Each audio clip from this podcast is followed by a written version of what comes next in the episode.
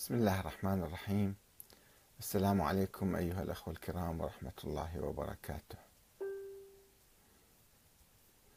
بعد قليل نبدأ بث برنامج أنت تسأل وأحمد الكاتب يجيب.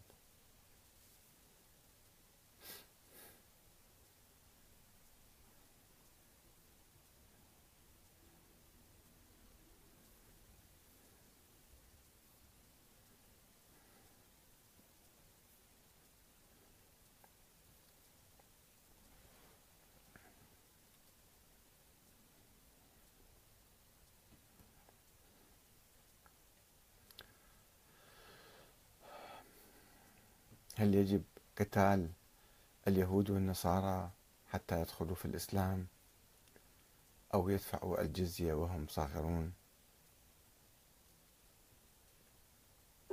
أم أن هذه الآية محدودة ومقيدة بظروف معينة وبشروط خاصة؟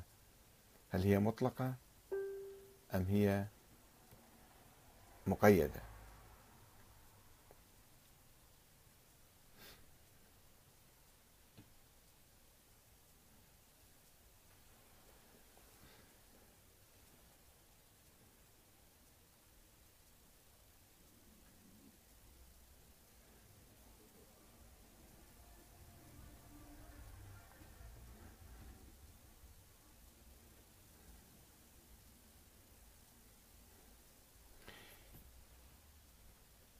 هي لا شك آية قرآنية ولكن الكلام في فهمها والاجتهاد فيها وليس الاجتهاد في مقابلها.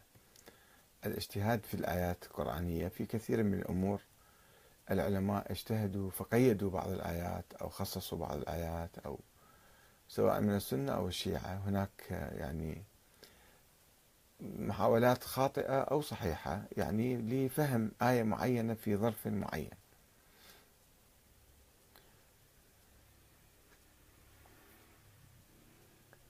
لأن القرآن أيضا يفهم بالعقل وليس بصورة مطلقة خاصة في الآيات السياسية أو الآيات المتعلقة بالدول المتعلقة بالحروب. هذه فيها ظروف يعني آه، آه، معينة.